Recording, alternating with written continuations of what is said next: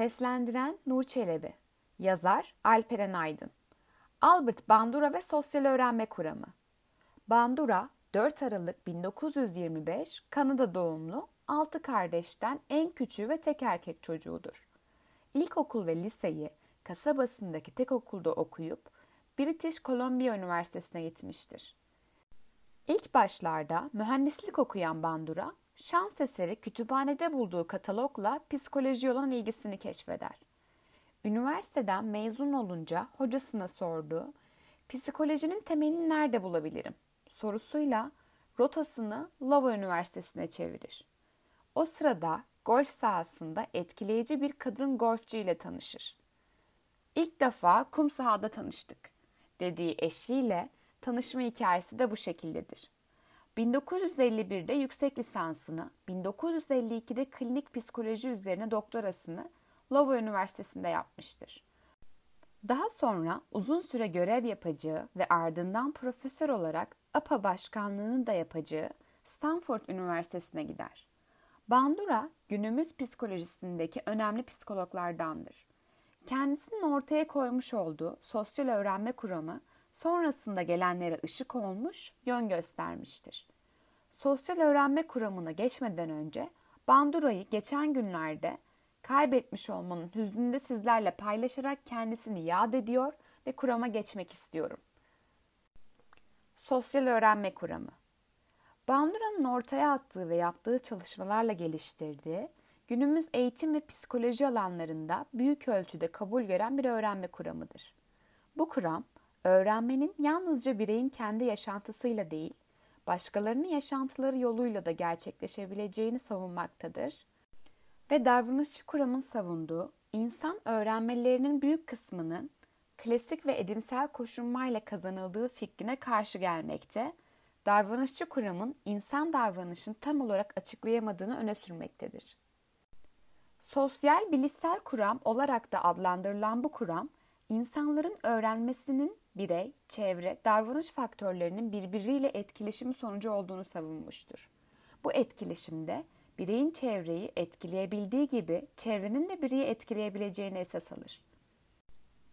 Çevresel şartlardaki bu değişiklikler bireyin gelecekteki yaşamını önemli ölçüde etkileyebilmektedir. Kazanılan birçok bilgide ve davranışın temelinde sosyal çevrenin etkili olması söz konusudur. Bununla beraber birey, kişilik özellikleriyle bu davranış ve bilgilerinden sorumludur. Bandura'ya göre birçok insanın davranışı öğrenmesi model alma yoluyladır. Diğer bireyler gözlenirken davranışın nasıl yapıldığı ve davranışın kuralları öğrenilir. Bu öğrenme daha sonra benzer veya aynı olayla karşılaşılması durumunda davranışa dökülür. Bu tür davranışa yol açacak öğrenmeler özellikle çocuklar için büyük önem arz etmektedir. Örneğin Bandura ve arkadaşlarının yapmış olduğu Bobodol deneyiyle saldırganlığın gözlemlemeyle öğrenildiği savunulmuştur. Bu deneyde patlamayan, plastikten yapılan Bobo adlı bir bebek vardır. Çocuklara büyük bir yetişkinin Bobo'ya saldırgan davranışlar gösterdiği izletilir. Kavgacı bir hitaptan sonra yetişkin bebeğin kafasına vurur, yere fırlatır, üstüne basar, yumruk sallar, tekmeler atar ve odunun bir tarafından diğer tarafına savurur. Bu olay çocuklara izletildikten sonra Bobo bebeğinin de bulunduğu odada çocukların oyun oynamasına müsaade edilmiş ve çocukların davranışları gözlemlenmiştir. Deney sonucunda yetişkinin çocukları iki şekilde etkilediği görülmüştür. Birinci etkide yetişkin çocuklara yeni saldırgan davranışlar öğretmiştir. İkinci etkide ise yetişkinden görülen saldırgan davranışlara ek olarak diğer saldırgan davranışların sayısı da artmıştır. Bu çalışmada gözlem yoluyla öğrenme ve taklit kavramları ön plana çıkmıştır. Ancak gözlem yoluyla öğrenme, bireyin sadece diğer bireylerin davranışlarını basitçe taklit etmesi değil, çevredeki olayları bilişsel sürecinden geçirmesiyle de alakalıdır. Gözlem yoluyla öğrenme ve taklit birbiri yerine kullanılamaz iki kelimedir. Gözlem yoluyla öğrenme taklidi hem içerebilir hem de dışarıda bırakabilir. Örneğin iş yerindeki başarıları dolayısıyla ödül ve terfi alan iş arkadaşını gören biri kendisinin de ödül ve terfi alabilmesi için aynı davranışları göstermesi gerektiğini öğrenebilir. Ancak yeterli düzeyde gayret gösterip bu davranışları taklit etmeyebilir. Sosyal öğrenme kuramında temel kavramlar. Dolaylı pekiştireç. Bireyin başka insanların davranışlarının ödüllendirildiğini gözlemlemesi sonucu, bireyin de ödüllendirme isteğiyle aynı davranış taklit etmesi güçlenecektir. Pekiştireç gözlem yapana değil modele verilmelidir.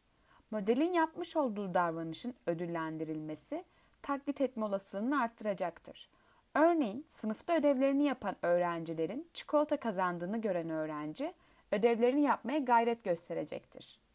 Dolaylı ceza Model alınan bireyin davranışı sonucu ceza aldığını gözlemlemesi, gözleyenin de o davranışı yapma eğilimini azaltır veya ortadan kaldırır.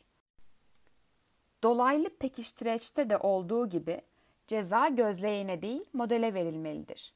Örneğin arkadaşının trafik kurallarına uymadığını ve bunun sonucunda ehliyetine el koyulup para cezası yediğini öğrenen birey bunun korkusuyla trafik kurallarına dikkat edecektir. Lakin korkudan dolayı davranışlarına dikkat eden bireyin korkusu azaldıkça trafik kurallarına dikkat etmesi yine azalacaktır. Dolaylı duygusallık. Gözleyenin kendisi yaşamasa da modelin davranışları yüzünden korku ve kaygı hissetmesidir. Modelin korktuklarından korkma ve sevdiklerini sevme eğilimi söz konusudur. Örneğin çoğu insan hiç zarar görmemiş olmalarına rağmen periden, cinden, ölüden, fareden, yılandan korkmaktadır. Bunun nedeni model alınan kişinin bunlara karşı olan duygularıdır. Fare görünce çığlık atan bir anneyi gören çocuk, farenin korkulacak bir hayvan olduğuna inanır.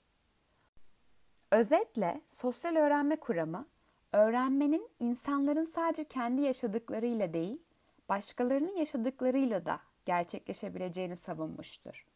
Bandura'ya, psikolojiye ve dünyaya kattıkları için teşekkürler. 1925-2021